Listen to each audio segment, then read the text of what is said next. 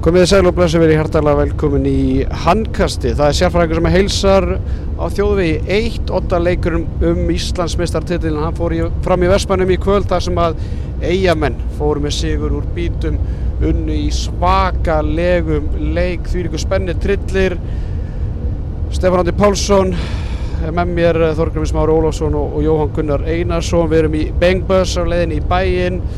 Uh, Stefán Andi, reyndu nú að segja hlustundu bara hvernig var að upplifa þessa ótrúlegu stemmingu sem var í Vestmannum í kvöld. Sko ég hef farið á alveg marga leikir og marga velli. Ég var í reyðrjunu í Nýs á sín tíma, ég ætla ekki kannski alveg að byrja það saman. En þetta er alveg leikur og stemning sem ég mun aldrei gleyma. Aldrei nokkuð tíma. Og stemningin í Vestmannum í kvöld var sturgluð.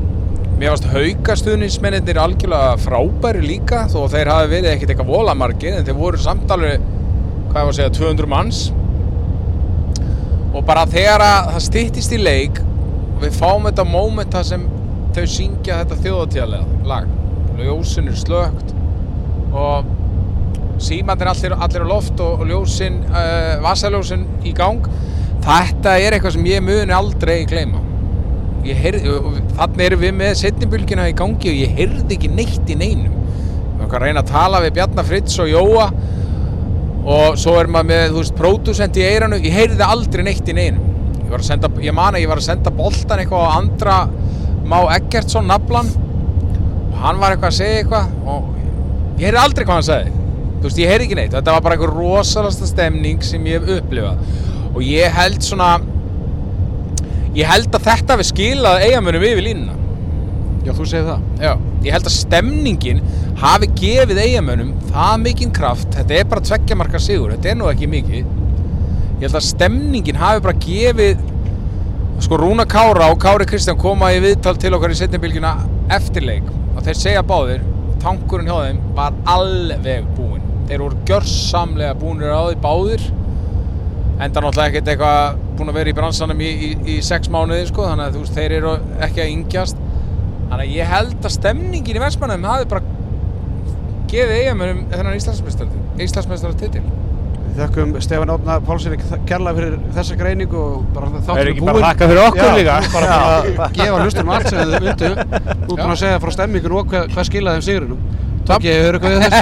Ég hefur eitthvað við þetta að bæta þorgrymur. Já, ég get kannski bara vitnað í mínu orð sem hafa verið mjög góð gennum tíða. Ég get það bara, ég sé sammálað þessu. Ég held að það sé bara líkillinn. E ekkert, Ég held að Rúna Kárasson með sína Nei. tíu slummur sé nú ekki sammálaði þessu greiningu. Nei, nei, kannski sko, auðvitað eru menn þreyttir sko, en í- ef, sko, ef þeir voru þreyttir, þá getur ímyndið hvað sko, Ég aukamenn ekki, voru þreyttir. Sko. ég vissi ekki að greina allan leikin í fyrsta svari. Þú gerðir það. Nei, nei, það er Rúnar hann inni og, Það og, að og, og margt fleira. Ívar Bessi, Ívar Bessi á skili sjátt. Frábær. Falliði sólinn, strákar. Jói, hver, hver er svona þín greining á bara, ef við byrjum bara stemmingunni og upplifun að hafa verið í, í húsinu? Uh, já, hún var bara einstök, það er ekki hægt að segja annað. Maður er nú búinn að vera í þessu í sex ár og þetta var svona hábúndurinn og bara einhvern veginn eins og þessi úsleitakefni þróaðist þá var þetta bara, þú veist, þetta var ágætis forréttur, aðréttur var fitness og var eftirrétturinn, það var bara eitthvað besta sem hefur smakkað og, og vera þarna, í, vera bara svona einhvern veginn vitni að þessu var bara, var bara gaman og líka bara, veist, leikurinn var spennandi og, og þú veist þá við töluðum um það kannski svona fyrir hérna fyrir eh, leik að það var oft svona eitthvað svona, hvað kallast í íslensku un, unsung heroes bara svona eitthvað óvænt sem gerist í svona otta leikjum og við vorum kannski svona velta eitthvað kannski Geir Guðmunds eða Sigtryggur. Nei, nei, þá var það bara IBFF Ívar Bessi. Viðarsson. Hver skýri ballið sitt samt? Þetta er, þetta er eins og sjúktan í eigin sko. Það er bara, það skýra bara þannig að geðveikt ballið mitt nafn. skapstæðast IBFF þannig þá, þá bara mætir hann þarna allan leikin í vörninni og þeir eru bara í bölvuðu basli ná einhver flæði og hann er bara svona, já, má alveg samviskulega segja, svona vinnur, eða svona fer með þeim yfir línuna. Tóki, við vorum aðeins í, í smá greiningunni fyrir leikin þar sem að við áttum svona að ræða hvað þyrft að gerast bæði á haugunum og IBF. Við töluðum svolítið um þurft að fangaði stemminguna og taka þátt í stöðinu og svona alltaf varnarlega Erlingur tekur smá ákvörðun að, svona, já, tekur það ákvörðun að byrja þessari fimmeitvörn og með þann 18 ára Ívar Bessa fyrir framann. Það mætti segja að þessi ákvörðun hafi hefnast. Tala við mig? Já, Já, ég er ekki hvort að tala með að Stefán. Já, ég veit að það var svona kannski smá uh, bóls í mú upp á það að gera líka svona Haukarinn voru búin að standa sig bara ágætlega móti 5-1 vörn IPVF en þó kannski ekki endilega þessari útfærslu af henni í, í fyrir tjörnleikunum en hérna, Ívan Bessi kláraði þetta hlutverk vel og, og í raun áttu Haukamenn fá svör við þessari vörn svona lungan úr leiknum. Uh, vissu í rauninu kannski ekki endilega, hvernig þið átt, áttu að haga sér og, og hvernig upplegið þeirra var. Og svo fóru dæmis í, í 7 og 6 á tímumbili og í raun breyti það engu því þetta er svona hálfgeir svæðisvörn og, og þetta snýst um það að skilja mann í öfugu horni eftir já, svo gagstaðu hodni. gagstaðu horni eftir Sko, ég meina, vörnin er augljóslega algjörlega frábær, það sem að markværslan hjá eigamunum er ekkert með Petar Jókanovic ver 6 bolta samt sem áður skora haugandi bara 23 mörg. Mér langar aðeins að bara klárum haugana áður við förum í IBA vissluna. Arab Neðarsson var frábær í, í marki hauga, sérstaklega í fyrraháleik, enda með 13 ára bolta, 36% markvæslu. Hvað var hann með í hálfleik? 10? Já, 9 held ég, 9 Já, 10. Já. Sam, svona sama gerist í hérna setni hálfleik og í síðasta leik þar sem hann dettur svolítið niður en, en það sýnir kannski það að markvara teimi hauga er ekki jafn stert og kannski eigamanna Andri Már Rúnarsson markaðastur enn og aftur með 8 mörg þurfti til þess 15 skot enda með fjóra að hafa bolta Sam og Guðmundur Bræi sem skora þrjú mörg uh, Stefán Rafni með þrjú mörg það er eitt af, af, vítalínunni svona óvæntasta stjartan í haugunum er náttúrulega Kristofur Máni hérna hægri hodninu kemur inn undir lokinu og er með 100 nýtingu og fiskareitt rauðning en síðan koma svona hauskupu leikmenn Geir Guðmundsson með þrjú mörg og sjö skotum Tjörfi með eitt mark þar, af í fyrstu sóknin hans uh, Brynjólu Snær er með 0-2 Ólaður Ægir með 0 mörg og 5 skotum þannig að veist þetta er svolítið svona ef við skoðum þetta það er skotnýting og framlag sem þeir fá frá Ólafi Ægi, Geir Guðmundsson og Brynjólfi af því að þeir tóku svolítið skrefið hérna Jói í síðasta leik. Já, já, og uh, ég hef átt hauskúpuleik í oddaleik, þannig að maður veit alveg svona hvernig þessum leikmönnum líður og þetta er, við má- tölum um spennustig má alveg bæta kannski líka Guðmund Braga hana við Já, sem já. var bara einhvern veginn uh, tók eiginlega ekki til sín, var bara að gefa og kasta og, og svona tók enga sjensa Ólafur Ægir bara byrjaði leikin illa og einhvern veginn kóðunaði niður. Og, og fleiri þannig að þetta var í raun bara andri már að, að hnóðast og, og menn að vonast til að kemja eitthvað úr því.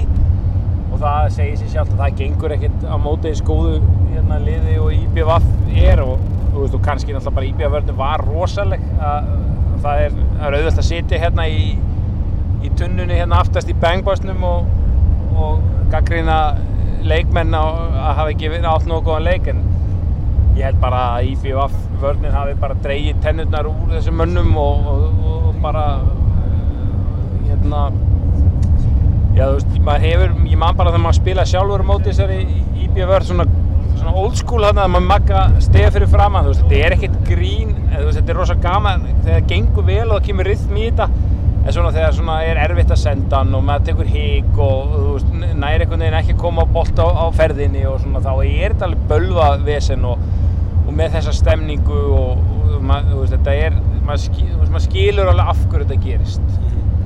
Náttúrulega þetta tímabil að að baki og haugunum uh, ótrúlega furðulegt tímabil uh, ég, marg, eh, ekki margrætt en ég talaði um þetta í síðustu þáttum sko, síðasta sumar þá náttúrulega bara náðu haugarnir ekki í tveggja manna eða tvö lið á æfingum. Aron Rafn Eðvarsson var meittur Þráin Orri var meittur Heimir Óli var hættur kemur svo inn. Matas kemur rétt fyrir mót Andri Már Rúnarsson kemur rétt inn fyrir mót. Tjörfi meittur kemur inn á miðju tímabili. Stefán Huldar. Stefán Hulda meiðis, Gunnar Dan línum að sem átti að, að leysa hérna heimi af og, og býða eftir að þráin kom eftir árum og hann slítur crossband í sumar.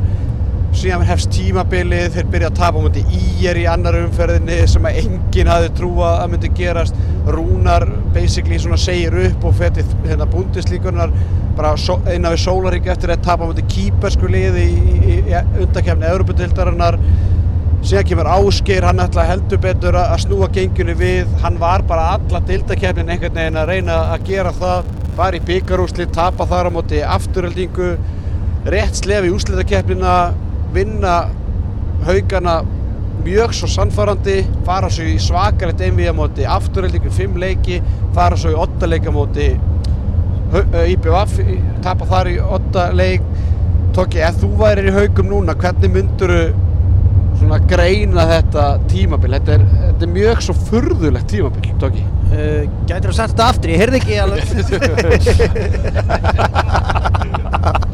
Ég með með það, þetta var fárlega flott útfærsla hjá þér Arnar á tímabæli aukamanna. Þetta er hérna, hvað maður að segja, þetta er stór furðult tímabæli fyrir þá. Líka út af því að margir hafa svona og hafa unni gerum tíð eitthvað hluti. Þetta er svona margir sem, sem voru í guldaldaliði aukana þannig að Tjörfi Heimi, Stefán og Óli Ægir og allir það með val kannski unni eitthvað titla og svona. Uh, en svona já, þetta er auðvitað stór fyrirlega kannski að vera bara í áttinu sætinu og, og í raun vera í vandamálum alla veturinn uh, líki Evrópu keppninu sem tóku þátt í en, en klára svo tímabilið bara með í raun þið geta verið stoltir með enda, enda tímabilsins og, og kannski hjálpa þeim tóltið og gefa þeim, þeim vonar glætur um það að, að geta byrjað næsta tímabil vel. Þetta er náttúrulega mjög skrítið tímabili haugum, þetta er, þetta er semst í fyrsta skipti síðan 2011 þá sem Akureyri lendir semst í öðru seti byggar og öðru seti á Íslandsmóti. Tapa eh, tveir silfupenningar Já. og það er, þú veist, fyrir mitt leiti veit ég ekki um verri pening en silfurpenning Gott Ég- silfu gulli betra. Það er bara kjaftaði og að, þú veist, ég veit ekki alveg þetta er þungt, þetta er mjög sárt tapa byggarústöldarleik það sem hefði alveg gett unnið, þeir spiluðu þann leik nokkuð vel. Þeir komast í ottaleik í úslita einvíinu tapa honum. Þetta er, þetta er vond en miða við hvernig tímabilið svona þróaðist í heilsinni þá eiga er alveg svo sem alveg geta lagst á kottan eftir 3-4 daga og verið bara svona nokkur sári en, ne, no, nokkur sáttir en núna í kvöld, þú veist, ég, ég persónulega bara sem keppnismadur í í hérna í, í Olsen Olsen sem er það kannski mesta sem ég ná að afrega, þú veist, þá var ég brjálaður, skilur. Já, ég í gjörsanlega styrlar að, lendi tvisa sinni í öðru sko. Ég trúi því. Jói, ef við bara klárum haugana, við erum aðeins búin að ræ- ræða bara tímanbili og hversu skrítið þetta er. Þú veist, það má heldur ekki gleyma því að haugarnir voru allir í gulli tækifæri á að landa þeim stóra úr því sem komið var af því einmitt, þú veist, í september, oktober, november, desember, janúar, februar þá náttúrulega talaði bara engin annar um það að Valur var að fara að strauja þetta mót. Og ég meina næsta ári við sjáum það aftur líka að gefa í F-fæðungarnir að fá Aron Pálmarsson og, og hérna Daniel Frey í markið. Valsarnir er náttúrulega bara alltaf Valur og það er til göttunum þannig að maður svona sér ekki alveg svona í fljótu fljótu bræði hvernig haugarnir alltaf einhvern veginn að, að mattsa þessi lið á næsta. Nei, nei, og það er líka sko maður veit ekki alveg en eh, þetta var svona kannski síðasti dans einhverja er svona allavega það- hættir einhver úr þessum kjarnar sem er verið kannski andlit hauka út á við. Og veist, þeir voru sem er kannski mesta svekkilsi er að þeir voru með maður held það, þeir voru, eða, veist, voru með IBF bara í í köðlunum. Þeir voru, maður held svona, heyrðu, þeir eru búin að finna uppskriftina að hvernig á að vinna þetta IBF lið bara með bara svona dundur leik, byrja krafti og voru búin að vera yfir bara eh, just, lungað af þessu einvíi þess vegna vo- fóru þeir bara kókröstur í og líka bara eftir fyrriháleikin þeir eru 11-10 undir samt er IBF búið að spila miklu betur. Þannig að maður var hægur byrju, byrju, þú veist áskeri vantilega að segja bara stráka þetta er bara okkar moment. Og, og svo fenguður alveg nokkru sinnum í, í leiknum svona til að minka nýri eitt minka, þú veist, gera alvöru allu að þessu en það var bara einhvern veginn tankurinn búinn og, og leikmenn á veist, það er rosa erfitt að kveikja á leikmennu sem eru búin að eiga staplan leik allan leikin að vonast til þess að þeir stýi eitthvað upp það var bara ekki þannig. Þannig að og, þú veist, og haukar eru alltaf haukar, þeir eru ekkert eitthvað gladir með tvö silfur úr því sem komið var, þeir voru bara komin eftir svona nálætt þessu og, og þeir eru bara drullu svektir að hafa ekki, hafa ekki klárað þetta svona þegar IBF var svona sært ljón, þeir svona það sem að öruglega áskerfu talaði klefa er ekki að leifa að byrja vel. Það er nákvæmlega sem IBF gerði fekk bara þú veist, stemninguna með sér og, og lifði bara á því allan leikin einmitt og, og Samu er að tala um að, að Valur væri dottið út úr Íslandsmótinu þegar þú komin í Final Four þar sem að liðin eru hvað var þetta, fram, afturölding, stjarnan, haukar skilu þarna voru bara öll lið jafn líklega til að klára þetta þannig að haukarnir náðu hvorki að klára það nýja Íslandsmeistartitilin úr því sem komið var auðvitað menn svektir uh, Tóki, náttúrulega hver er að hætta? Þeir, það er Heimir Óli er að hætta og hvað, Alli Már Bárusson eða? Bara svona alltaf að hætta held ég. Uh, Stefán Rafni, er hann ekki undir feld? Jú, hann er hann á, hann eitt ár eftir Já. Aron Rafn er náttúrulega Hvað gerir Aron, hvað ge- gerir Tjörfi?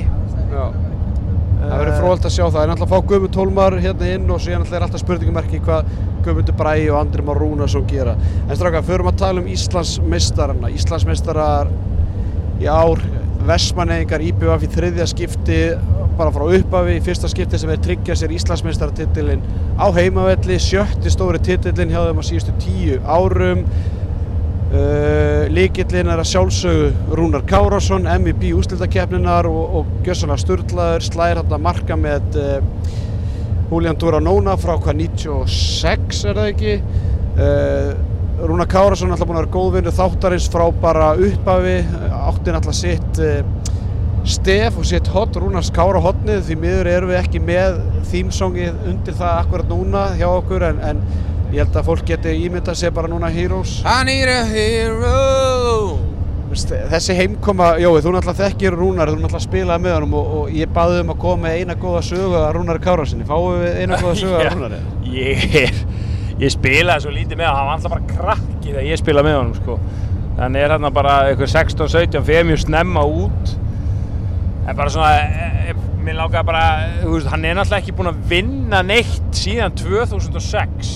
Þú veist, þetta er alveg búið að vera alveg þraut að ganga. Ég man bara, þú veist, hann fer hérna til Fuxi Berlín. Þetta er svona, svona frá fram, það er svona pínlítið sem að rótast með það sem hérna Ardón Snæður, Arnór Snær er að fara kannski að lendi í, þú veist, hann lendir bara svona á vegg, Dagur er að þjálfa og, og, og, og Rúnar bara líður einhvern veginn aldrei vel þa- þar, ég held að Dagur hafi ekkert farið eitthvað rosalega vel með hann, eða svona, hvernig var orðað þetta, þú, Ok. hann, hann, leit, hann leit bara á að Rúnar væri bara atvinnumæður og bara trýta af hann, þó hann veri ungur og, og stíga sín fyrstu skref og svo fer hann á svona alls konar uh, flakk og fer hann ekki í ræna eitthvað löfin líka á tíðanbili Jó. þetta var svona mjög skemmtilegur ferill og svo svona loksis verið hann að finna sig þegar hann kemur til Danmerkur og, og er að spila bara mjög vel og sem hann gerir bara mjög, mjög skemmtilegt er að veist, hann er að koma heim í algjöru toppstandi og það er svona sem að kannski aðri leikmenn ef maður fljótt á litið, veist, Vignir og Ásker koma svona, veist, þá er þeir alveg á síðustu drópunum, vissulega, góða spretti. En hann er kemur hann bara inn í, í tuttaformi missir raun af úslita í fyrra sem var og mjög svekkjandi fyrir IBF menn svona, svona heldur niður sér andanum þegar hann fór í þessa aðgerð þarna. Stutt fyrir úrslutakeppnin kemur líka bara svona í, í, í tuttaformi hérna, já, eftir hana og eins og þegar hann segir hérna í, ég veit að þú veist, þetta er alveg, þú veist, mjög heilst eftir náungi, var það bara mjög snemma.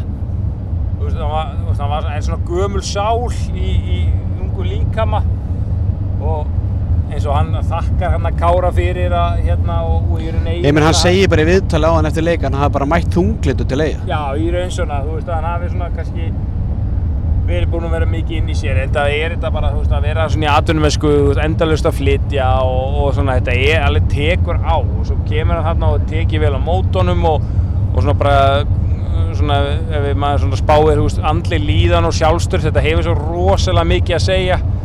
Veist, og hann er bara búinn að vera í raun frábær og veist, IBF hefði aldrei unnið hennar titil ef hann hefði ekki verið í IBF, það verður bara að segjast þessu er, þetta er svona hann er svona ný hetja í hérna IBF þetta var alltaf Robert Aron hann var alltaf hetjan hann var kóngurinn.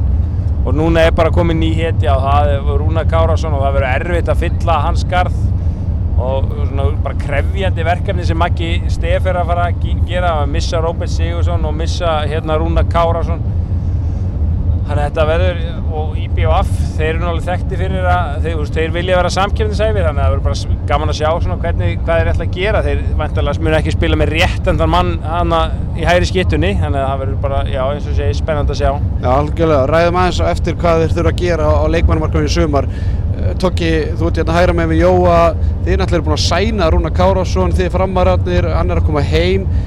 Hvernig svona hvernig er tillökunin í, í hérna Úlfarsárdalum við heimkomu Rúnars Kárásson og við hverju er fólk að búast og, og það verður erfitt fyrir einhvern Rúnar að, að toppa þetta tímafél Já, alveg klálega en Rúnar er þannig maður að hann getur unnið leiki upp á sitt einstæmi og þannig leikmann hefur tóttið vanta kannski í, í framliðið, jú þóttu auðvitað þóttu gauti hana, hana vinstra megin en, en svona eh, Rúnar Kársson kannski bara heilt yfir búinn að vera besti leikmaði deildarinnar og, og sýndi það klálega í úsliðmiðinu að það er, hann á nóg eftir. Þess vegna eh, hafa framarar svona sáu sér leika borði og hugsuðu að það væri mjög gott að fá hann heim í heima hagan en það með hann pluss kannski bara aðra í kringum hann en eh, þú getur, getur kannski byggt liðið í kringum rúnar og, og þóstum gauta. Þannig að ég meina að það er mjög mikið, mjög, mjög mikið tilhökkur fyrir því að fá rúnar heim. Talandum bara klárum þetta það er náttúrulega hann er á leiðandi fram. Sko, samkvæmt mínum heimildum þá voru ekkert það mörg lið sem eitthvað reynda að fá hann þegar framarði fengan og ég meina Valsardi tók eitthvað upp símtalið vitandi það að Arnór Snær var á leiðandi ræna eitthvað löfin. Ég meina er ekki bara algjör klaufaskapur að fleiri lið hafi ekki bara og þetta hefði bara verið eitthvað alvöru samkeppni um það hvert Rúna Kára svo fór sko, samkvæmt mínum heimildum þá bara gekk þetta fyrir eitthvað auðveldlega fyrir fram. Já, bara dottir svona í hendundur á þeim Já, bara eitthvað, þú veist, gróta heyrði í honum bara eitthvað vinskapið mellir Robba Gunn og, og Snorri heyrði ekki í honum bara eitthvað vinskapið þeirra á milli en þú veist, ég held að Valur hafi ekki svona búin um samning. Nei, nei, ég heyrði það í mitt líka, þeir hafa ekki haft þannig síðan einn á einhvern veginn að hann hefði ekki, myndi ekki passa inn í, í hérna þeirra leikstíl. hugmyndafræði vals. En svo náttúrulega ég, ég eru bara líka þetta er alveg svona er þetta er því að hérna hægri vængurinn hjá mjög mörgum liðum er ákveðlega settur og það er menn sem eru með samning þó að Rúna sé tölvöld betri kannski en sá sem er fyrir þá er erfitt einhvern veginn að að rifta samning til þess að að- Stjarnan hefði nú alveg getað til dæmis tekið hann Já, Pétur, það er eitthvað sem að segja mér að hann er Þeir alltaf voru samt með Pétur og Hafþór á sín tíma sko, þannig að þeir alveg Já, já, já, en þe- þetta er náttúrulega vi- vissum, maður hefði alltaf haldið bara að öll lið myndu heyri í honum já. En kannski eitthvað svona, þú veist, hann og ég veit alveg hann og sambands hans og Einar Jónsson er, er mjög gott, þeir eru mjög góði vinnir og, og svona og, ég, og svo, hann er það góður að mörglið, eða margir leikmenn nota svona fara í póker og, og segja þú veist að maður sé að, að, sé að tala við hinn og þessi lið til að hækka upp samning. Ég held að þú veist Rúnar þurfi þess nú ekki hann, veist, hann er bara bestur besti leikmann í dag í deildinni þannig að Ég meina það er alltaf búið að reka tokka af skrifstofunni til að Já, losa ég bara er hugsa að- að ég gaf upp starfið eftir að ég heyrði að Rúna var að koma. En svona öllu gríni sleftu þá hafði ekki Rúna bara áhuga að vinna með Einar Jónssoni já, já, það er kemur ekkert óvart, þeir eru mjög góði vinnir já, og bara svona veit hvað hva hann getur búist við hjá honum. Þannig að hann var, svona, kannski var það líka hluti að hans, hans hérna, ákvarðan tökur í þessu öllu saman. Mhm. Sápi, eh, við erum alltaf búin að fylgjast með dildinni bara auðvitað manna mest og, og í, allan vetur.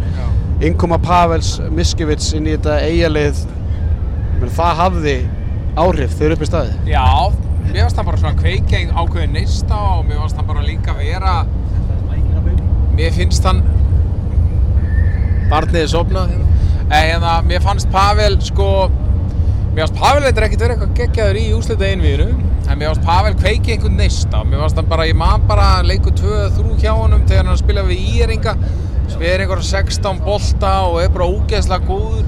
Svo byrjar hann bara í úrslitakefninni mjög góður á köplum auðvitað vantaði stöðuleika í markvöslinu á IBF og það kom ekki að sög í, í kvöld því að vartanleikurinn hjá eigamönum var bara það góður En ég, ég held að Pavel hafi bara eins og Ellingur Richardsson sæði bara í, í viðtali eftir leik skilur að, að hann skipti ofbáslega miklu máli. Og Kári Kristján sæði reynda líka sem ég hjó eftir að þeir væru með besta markmannapar deildar Já, Petar og Pavel. Ég er ekki sammála því svo sem. Hvaða mark var að Davíð betra? ég myndi segja Björgun og Sakai Já, Sakai náttúrulega spilaði ekki neitt í allan vetur sko og, og, klukkaði af alla bolta þannig að ég myndi samt segja að, að það markmanna teimið væri betra Já, Bruno Bernat og, og hérna, Sadsvel. Sa- Sadsvel vörðu Já, held ég klárlega. bóðsyndilega sé gríðarlega vel í, í vetur þarf áttur að liða að enda í tíunda sæti þannig að en allavega þetta hafði allavega jákvæð áhrif að, hérna, bæði á liðið og, og Petar í eitthvað því að það má ekki glemma því að Petar Jókanovic var náttúrulega allavega með varinn bolta Nei. fyrir áramót þannig að Petar, þú veist, tekur eitt leik á móti FH í undanúrslutunum og vinnur hann bara eitt síns liðs Já, þannig að ég held að, Þannig að- ég held að það sé alveg hægt að segja að þetta hafa haft jákvæð áhrif.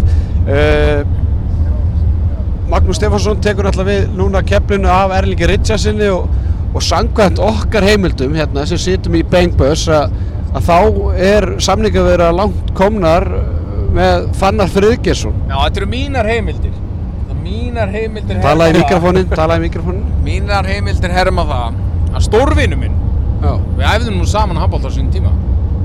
Er hann að koma sér spilandi aðstöða þjálfur eða bara Nei, hann er ekki að koma sér spilandi aðstæðaþjálfari og Fannar Friðgjersson sem hérna við æfðum saman handbólt á sín tíma hann var alveg lítill polli og, og hérna miklu betri en við allir, hann var þremur árum yngri en við þegar við vorum að æfa saman þegar ég var að æfa með val á sín tíma. Og Sagan segir að Fannar Friðgjersson sé að flytja frá Akureyri og hann Setja, bara bakari á lás eða? Setja lás á bakari? Það er ekki brú í Vestmanni, hvað, hvað ætlar hann að skýra bakari í Vestmanni? Bakari við dalinn eða eitthvað? eða bakari við, já, bakari Við hefnina? við ölduhæðina Já. að Fannar Friðgjersson sé að koma inn í, í teimið hjá IBVF þannig eru tveir náttúrulega fanta varnar Það er eitt sem ég skil ekki, hvað mennið með teimið? Sí, er ekki bara þjálfari og aðstofþjálfari? Jú, jú, minnst það bara fallegt orð Nei, það, nei, segir mér, þið eru með þetta slúður, hvað mennið þið með teimið? Já, er- bara að, er- að Fannar er aðstóð þjálfari Magnúsar Já, þið eru bara að tala um það? Já, Já, ok. Já, en, Er það eitthvað vitið því? Við verum með tvo úreinda þjálfara í... Nei, ég, nú, ég var vonast til að hann var að koma inn sem einhver spilandi aðstofþjálfari eða eitthvað, þú veist, nei, skrokkurinn og, skrokkurinn og hórnum býður ekki upp á það skrokkur gera það ekki. Uh, við vorum að tala um það áðan að þeir er náttúrulega búin að missa Rúna Kárásson og Róbert Sigurðarsson er náttúrulega að fara hjarta í vördninni bæði í 6-0 vördninni náttúrulega með Ísækja Rapsinni og, og, hérna, og, í, í 5-1 vördninni.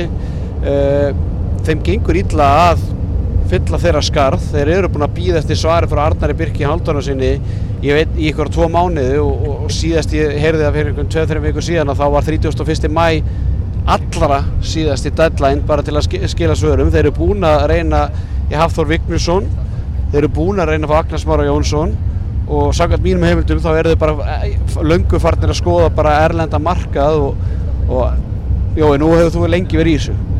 Hvað er langt síðan, ok, fyrir utan færingan átsi hérna, Eilsnes og Vilhelm Pólsen, hvað er langt síðan var einhver erlendur skýtta sem að gerði, gerði, gerði frægan? Já, hérna, hérna heima, Já. það er orðið helviti, var það ekki bara... Það Hamsa var hérna, Kaplúti. Nei, örfend skýtta. Já, örfend, þá þurfum við að fara way back. þarna uh, dökki sem var í val hérna, litli sem hoppaði Já, ba Bavu. Já, Það var, það var, já, allir þurfum að fara svona látt aftur. já, ég man ekki Þeir, það var hérna vinnur Ágústa Strastas í Háká, Tómas, hann var alltaf í lægi en, en ég, það, ef það er einhver útlendingur örfendur laus á hérna já bara af þetta er það sjálfgef, sjálfgef tegund að þá er nú oftast ekki mikil gæði sem fylgja því. Þeir, þessi örfendur fara nú oft bara á því að vera örfendir. Þannig að það er, það er ansi held ég mikið lotto að fara í örfendan leikmann bara, veist, hvar sem er í heiminum og, og, og veðja á það að, að veist, þú veist, veit, að IBF stendur fyrir eitthvað ákveðið og, og hérna þarf að passa inn í menningun og allt það, þannig að það er því mikil áhætt að ég held að svona Arna Birkir, það er þeirra allra seinasta svona hámstrómið, ég veitir reyndu líka við Átnabraga Ok, þannig að þeir eru búin að reyna náttúrulega við allt því að þetta er náttúrulega mikilvægt það er ekki þetta að gera neitt með réttendan hæra megin, það er ekki eins og sé ykkur ungur sem þeir geta ge- hérna, veðjað á, það er bara enginn, Rúna var bara eini í raun þetta skittan þannig að það verður bara já, spennandi að sjá hva, hvað þeir enda með. Heldur betur uh, Jói, heldur, heldur boltar aðeins áfram með þér. Ef við bara förum aðeins yfir þetta IBF-lið kemur það óvart að þessu Íslandsmeistar? Uh, nei, eða, nei, nei, það kemur ekkert óvart. Það hefði komið mér óvart í februar og mars. Það er Gaupi kallaði þetta bara eftir þrjáfjóru umferð að IBF væri liðið sem aðeir þurft að vinna Já, já, og þá var mikið hlegið og, og, og, og gert grín. Þannig að hann veit nú hvað hann syngur, en veist, þeir voru ekkert eitthvað rosalega samfarrandi á þessu tímabæðus lengi vel. Það var, það var bara bölu á strökli, voru með eitt markmann og voru síðan með einhvern gaur bara sem að hérna, varamarkmann sem hérna var enga veginn tilbúin í þetta þeir voru að fá bara yfir 30 mörg á sig í hverjum leik og þú veist það var bara svona ég segi nú ekki allt í ruggli en það var, þetta var ekki samfærandi þeir voru svona að vinna liðin sem eru svona í fattbaratu og, og svona tapa samfærandi fyrir hinu liðunum og þannig að maður hafði svona alveg áhyggjur af þeim og sagði svona kannski ímislegt sem að hefði kannski betur mátt sleppa Kottum við hérna, kottum við nokkuð dæmi hvað er ég að byrja? Sagði, ég, ég, ég vildi að hann kallað á Björn við þar aftur, ég vildi að hann Þeir gerðu það reyndar ég gerði það síðan, þeir hlustuðu og hann tók einn leik. Svo að hann þyrft að fá aðstóð með varnarleikin, með, hann var það slæmur og maður var svona að svona velta fyrir sér hvort að Addi P. ætti að koma þarna inn og eitthvað og svona alls konar mákaveltur en tímabilið er langt og það breytist ímislegt og svona fljótlega kannski eftir að Valur fór svona högta og, og rinja þá fóru IBF að stíga upp að, að þá, sá, þá fór svona maður átt að sjá að þetta var kannski lið, lið til að sigra og, og, og það náði því enginn. Já, Tóki, ertu, ertu sammálað þessu að, að, IBF var svona næst besta liði í allan vetur og, og hérna var svona liði sem að já, kom eftir val þegar Valur var upp á sitt besta en svona alltaf bara eftir að, að Valur dettur, dettur út að, að þá var svona IBF líklegasta liði til að vera Íslandsmeistari? Uh, svona bæði og sko mér fannst svona á köflum stundum uh, IBF vera bara eins manna hér með rúnar á, á svæðinu sem alltaf var að skila gríðilega góðu móti.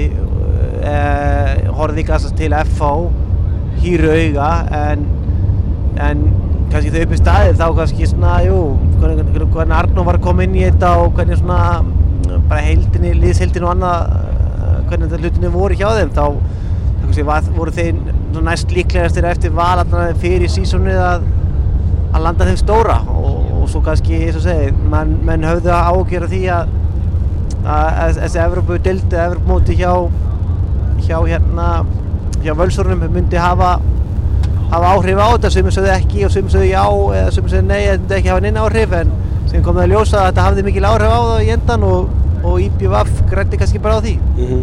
Sammála því. Uh, Petur Jókanovic var með 6 varðabólta í þessu leik Rúna Káras á markastu með 10 Dagur Arnarsson með 4 Arnór Viðarsson með 3 mörg Kári Kristján 3 og aðri minna.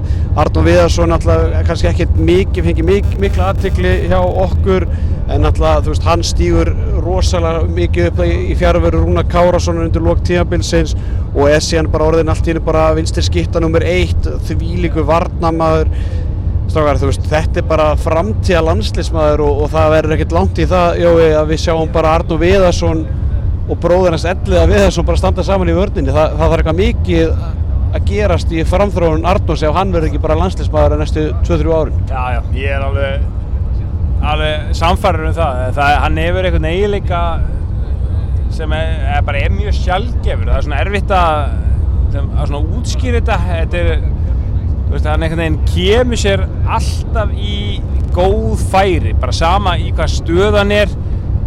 Þetta er hérna, já, þetta er, sumum myndu kannski segja að þetta væri hnóð, en þetta er, ekkert hnóð, þetta er bara, bara líkamstyrkurinn, bara svona styrkur í fótum, gerir það kleift að það er bara gríðarlega erfitt að stoppa hann og þarf ofta svona góða hjálpavörð til þess að stoppa hann. Uh, hann, er alltaf góðu skoti þó að sé að brjóta á hann er er það er svona, það er eitthvað snákur í hann og hann næri að smeja sér í gegn og, og er síðan bara hörku varnamæður. Þannig að þetta er einhvern veginn eiginleiki sem að svona ekki svona hefðbundin leikmaður er með. Þetta er, þannig að það, það er margt sem að hann hefur og það, er alveg pottitt að hann fer í atvinnumönsku, ég myndi segja eftir eitt ár. Ég held að það sé alveg gulltryggt. Já, minnst okkarstu, gefa hann allavega eitt ár í viðbót og vonandi Já, tvö- er aðal maðurinn í eigum á næsta ári og svo fer hann út. Já, heldur betur uh, Stákar, náttúrulega það er að tala endalust um þetta í buaflið þú veist bara þvílíkt uh, hrós á þá, stemmingin í, í höllinni var með ólíkindum uh, en Stákar, það fyrir bara að koma að leiða lokum, tímabilinu er lokið uh, Tóki, við erum ekki undirbúinir fyrir þetta en, en hvað er svona hápunktur þinn á tímabilinu? Það má tengist þér, en það má líka tengist bara einhverju allt öðru. Já. Úff, ég var ekki undirbúið fyrir þetta. Nei, Jói, byrjað þú, ekki ef svo. Að hvað? bara hápunktur tímabilsins, annarkvært eitthvað sem tengist ykkur eða, eða tímabilinu heilt yfir. Eitthvað svona moment sem að svona bara, þú veist, bara því, þetta er hápunkturinn. Skilum við, Aron Pálmarsson kemur náttúrulega tilkynningin þegar Aron Pálmarsson kemur, þú veist, fíaskoið í, í kringum tryggva, tryggva garðasmálið kemur Já, ég er svo með þetta. Já. Sko, hápunktur fyrir mér er í raun þegar félagi minn út ég náðu bara að samgleðast svona svo ótrúlega mikið þegar Einar Ingi Hrafnsson var byggamestari. Maður sem er búinn að le- leggja mikið á sig og verið mikið í þessu og aldrei náðu að vinna þann stóra hérna á Íslandi.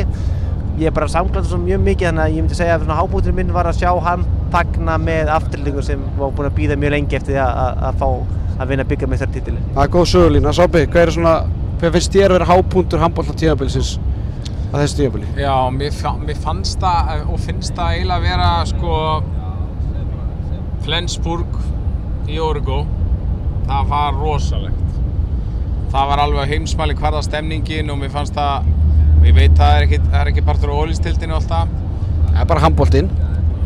Já, og mér fannst það uh, bara einstakt kvöld. Uh, mér fannst líka, ef ég held áfram með Evropadildina þegar Arnur Snær skora 13 mörgum út í Ístad og Kim Andersson kemur til okkar eftir, eftir leik og er bara heldur ekki vatni yfir þessum, veist, titt sem hann er þannig í, í, í þessum Evropabolta og fekk í vöruna hjá ónefndum aðila hjá okkur. Það var mjög skemmtilegt moment og svo fannst mér hérna það er nefnilega 20 viðbútt við varst ottaleikurinn í Mósusbænum algjörlega sturlaður stemningin í Mósusbænum var bara alveg mögnuð og þó að leikurinn í setni hálfleika hafi ekki verið nógu góður þá fannst mér það algjörlega magna og svo fannst mér kvöldið í kvöld alveg bara kissuberið ofan á, á kökuna Góð kaka. Það, já, ert þú með einhverjar sögulínur? Já, ég get það nú ekki sagt að sko, maður, maður er alltaf búinn að vera lengi í þessu og séð þetta allt svo sem sex tímabil Já, já, þetta er búið að vera langur tími og en svona maður finnur bara eh, já, fann það kannski þetta þú veist, þetta var svona eh, hvað segir maður? Eh, há- há pík, hvað segir maður? Ég er að finna eitthvað orð hérna. Eða sem maður fann alveg svona sem að þú náttúrulega átt mikið þátt í alveg dag þetta var svona mikil hápunktur í allri svona umfjöllun bara á því inn í teimið og, og svona Rífi þetta þessi í gang hérna. já, svona, já, setti svona öðruvísi svipa á þetta, veist, þetta, þetta er ekkert sjálf gefið að, að taka alla slægi og, og fá alla móti sér og halda svo áfram, þetta er, þetta er ekkert þannig, en þetta var, þetta var bara mjög skemmtilegt tímabil og, og svona, maður held þetta væri bara sigli eitthvað þrótt þarna í, í sóp en síðan bara haugarnir bara rósaði þeim fyrir að gera þetta svona ein- einnig skemmtilegustu úrslutakeppni sem að ég hef tekið þátt í og það er sem þetta út á, út á, út á hvað þetta gengur það er þessi úrslutakeppni að svona þessi óvænt að gerist og þetta var bara, já, frábær úrslutakeppni Mér langar aðeins að taka henni bolta frá Jóa. Mér finnst líka, þú veist, ég, er aðeins að hugsa þetta bara eftir það sem hann sagði. Hápunkturinn er bara hvað handboltinn var stór. Hvað var mikið talað um handbolta. Ég fór ekki í bónus á þess að vera að tala um handbolta við mig og, og bara magnið að fréttunum og vísi hvað strákandir okkar er að gera frábær hluti úti í atvinnumönsku í kringum landslið, hvað mikið fjallað um það þó að það mót hafi ekki farið nægilega vel ég fekk að heyra það frá Guðmundur Guðmundsinni eftirminnilega Ég byrst afsökunar á því. Og hérna, þú veist, mér fannst bara handboltinn vera hápunktur tímabilsins. Handboltinn vann. Sammála því, ég ætla að bjóða Naflan velkomin í handkasti hérna, Naflin. Hva, hvað varst ég svona að vera hátindurinn og ég ætla að byggja um að sprengja ekki í mikrofónin. Já, ég, hérna, ég verði að fá að tala um hérna, sérstaklega fyrst að Gaupi, mikið rætti það að Gaupi sé að hverfa frá skjánum og vera að hætta eftir 32 ár. Þá þykir mér gríðilega vænt um feðgar á ferði innslöfun sem við gerðum. Við byrjuðum auðvitað í uppbytunum þættinum á að fara heimsækja íþróttæmilinu, við heimsóttum nýja íþróttasögu í er og fram og bara hérna, hérna og fórum síðan á fyrsta Evrópuleikin hjá Val, endum síðan á klippingu hjá Agner Smára og mér fannst þetta mjög skemmtilegt og mér þykir vænt um þessi einslög sérstaklega að hafa gert þetta með Gaupa og það er klárlega minn hápunktur á tímulinu Já, hárið punktur og, og, sjálfsögðu sendum við eh, já, kveðjur á, á okkar besta afa, uh, sérfræðingurinn og, og afi Gaupu hafa eldað, hvað segir maður, grátt silfur saman eh, á þessu En tíðanbili. ég endi alltaf sem vinir. Já, já, Það er bara bestu vinnir og, og hérna, hann ætla að vara að kveðja sjónvarpið í, í kvöld því miður gáttu við ekki verið me- með í, í kveðjupartíinu uh, en það var ekki Ég ætla bara að bara segja ykkur eitt, Gaupið hvergin eru hættur. Gaupir hverginar hættun. Það var ekki bara kveðjupartí á Gaupanum því að allt bendur til þess að um, handbóltinn hafi verið að kveðja uh, sjó, sjónvarpið uh, í kvöld. Það, hérna, og margir komið að mér og, og spurt mig bara basically hvað sé að frétta. Samkvæmt mínum heimildum þá er bara það að frétta að stöð 2 virðist vera að taka þá ákvörðun að ætla ekki að taka slægin með HSI hvort að það sé út af uh, já, út af framkom, framkomu HSI og, og félagann í garð stöða 2 bara í, í þessu samningavirðum hef ég ekki heyrt en, það svona bendir allt til þess að, að stöð 2 ætli ekki að taka slæðinu næstaðar og það er því náttúrulega mikið reyðarslag uh, eina heimavinnastráka sem ég baði ykkur um fyrir þennan þátt var að koma með topp 5 lista yfir sjónvastöðar sem að þið myndu sjá, vilja sjá handbóltan á á næsta ári og jó, þetta var svolítið svona beint, beint til þínu en við getum svona hjálpast að bara Já, já. strákar, Já. fymta sæti Jói, hvað var svona erum við að tala um Pop TV þar eða? Nei, sko, fymta sæti er að eins og handbólta þættir voru hérna á tímabili með Gunnar Birgis og Lóa Gissinni að það verður búin til spjall, það verður á Facebook Live Já, það sem að, Eins og ég og Sigga Kling á sín tíma. já. Það er, það verður, lé- það verður kannski ekki hægt að sína frá leikjum en öll umfjöllun getur verið algjörlega til fyrirmyndar í, á Facebook Live síðu handbóltans. Stór miðill, mjög stór miðill. stór miðl og það skal ekki vannmeta þann miðl þannig að fymta sæti, það verður fróðilegt að sjá hvað verður fyrir ofan þetta því að þetta er náttúrulega það verður erfitt að toppa þessi einslega frá Gunnar Byrgis og Lóa Geirs á Facebook Live á sínum tíma en, en ég er fróðilegt að vita, hvað, hvað er í fjórðasetti, Jói? Er það ég aftur eða? Já, við vinnum þetta bara svolítið saman Ég set fjö- Rúf í var þetta er í fjóðarsætti, já, það er bara gott sjátt. Og viltu þá fá Benna Gretas í panelinn og með reyni þó í meðvirknina bara?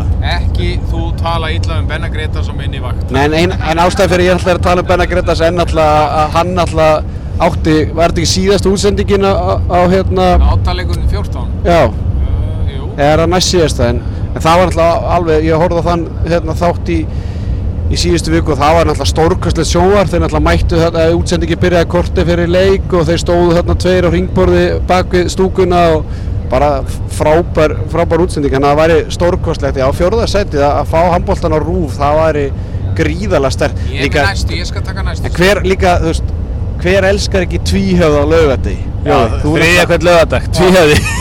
Það er bara, það er gull. það væri Ég er alltaf frábært að minn fjölmjöla fyrir að að vinna við þessa tvíhöða. nú, nú Já.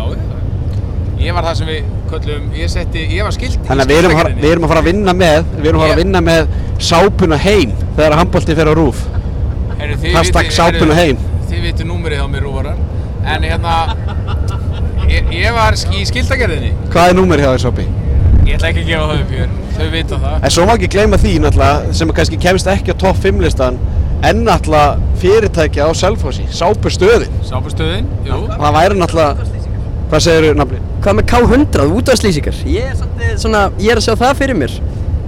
Er eitthvað, er eitthvað pissastoppin að Já, við, við veitum kannski K100 á, á topp 5 listanum nafnin. En erum við ekki að vinna okkur, erum við ekki að vinna okkur niður hvað erum við Við komin erum komin í topp 3. Já, númer tvö. Nei, við, topp 3. Þriðarsettið. Já, ég segi þá, þetta er frábær spurning, innri vefur Háskóla Íslands. Innri veður Háskóla Íslands. Það er 10.000 manns í skólanum og það er, það er bara- vettvangur. Ok, og það, kaupir maður áskrift á því eða? Nei, nei, það er bara gratís, það er bara frýtt. En þarf En að vera ætti að vera í skólan. Ah, ok, þannig að handbólti verður svona háskóla íþrótt. Já. Ok, það er aðtiklisvert, þannig að við erum konum með Facebook Live í fymta sæti, RÚV í fjórða sæti, innri vefur háskóla, hvað, háskóla Íslands á það bara? Já, ekki HR. Ok, Jói, topp, uh, annarsætið. Annað sætið Það er að við reynum að, að það endi hérna að Eurosport taki réttin og það verði le einn leikur í viku á Eurosport eftir snókernum. Það er Já. stórt, það er stórt. Það er á, það er á myndleiklu, myndleiklunum í, í hérna, Evrópubakkanum. Já, en það verði, já, en við fæ- fengjum eftir ekki umfjöllun nema hún er þá ennsku en það er þetta að vinna með það að uppfæra þetta á en, enskan texta en það er svona dálítið spennandi dæmi að, að hafa handbóltan á Eurosport Nei, en hérna, við erum að fara að pissa. Erum við ekki allir sammála um ásinn? Hvað verður ásinn? Það er Omega. Fá bara Omega í, í opinn dagskrá. Já, það er bara, það er í, bara í kveld opinni dagskrá, Omega. Ég held að hérna, þetta er bara frábær listi. Rú, nei, Facebook, nei, Facebook Live, RÚV, Innri vefur Háskóla Íslands. Annarsæti var hérna Eurosport. Eurosport og í fyrsta sæti Omega. Ég held að, ég held að handbólti myndi taka gríðarlega stórt skref hérna með því að henda sér á einhvað á þessum hérna, á þessu listanum og, og hérna og er ekki Omega, ég menn er það ekki bara ein vinsalasta sjóastöðin Á Íslandi? já, í einhverjum helli, Ég- Nei, ég held, ég held að hún sé bara svo vinsalasta. svo vinsalasta svo vinsalasta, en þannig erum við samt að við erum að horfa fram hjá N4 hor, erum að horfa fram hjá N4 En fjórir Hringbraut, er það ekki farnir? Potti í, Skjár 1 skilur mig þú veist það, það eru ótrúlegar hluti sem að gætu bara Hún hætti 2019 í já, Omega hætti 2019 en, en, veist, en þetta breytist í Gospel TV skilur mig Big þannig Baby er vaknaður. að Big Baby í vagnar Herru, Baby, endaði þáttinn. Ég ætla að fara heim að sofa. Big Baby ætla að fara heim að sofa, hann kasti þakka kærlega fyrir sig. Uh, Sérfræðingun hann ætla að setjast niður á föstudaginn með nýráðunum landsliðsjálfara íslenska landsliðsins og, og það verður því auka þáttur á handkastinu um helgina. Uh, þanga til þakkaði kærlega fyrir hlusturuna á handkastinu í allan vetur. Ólistildin frábæri á þessu tímabili úslitakefnin ennþá betri. Og uh, já, takk kærlega fyrir okkur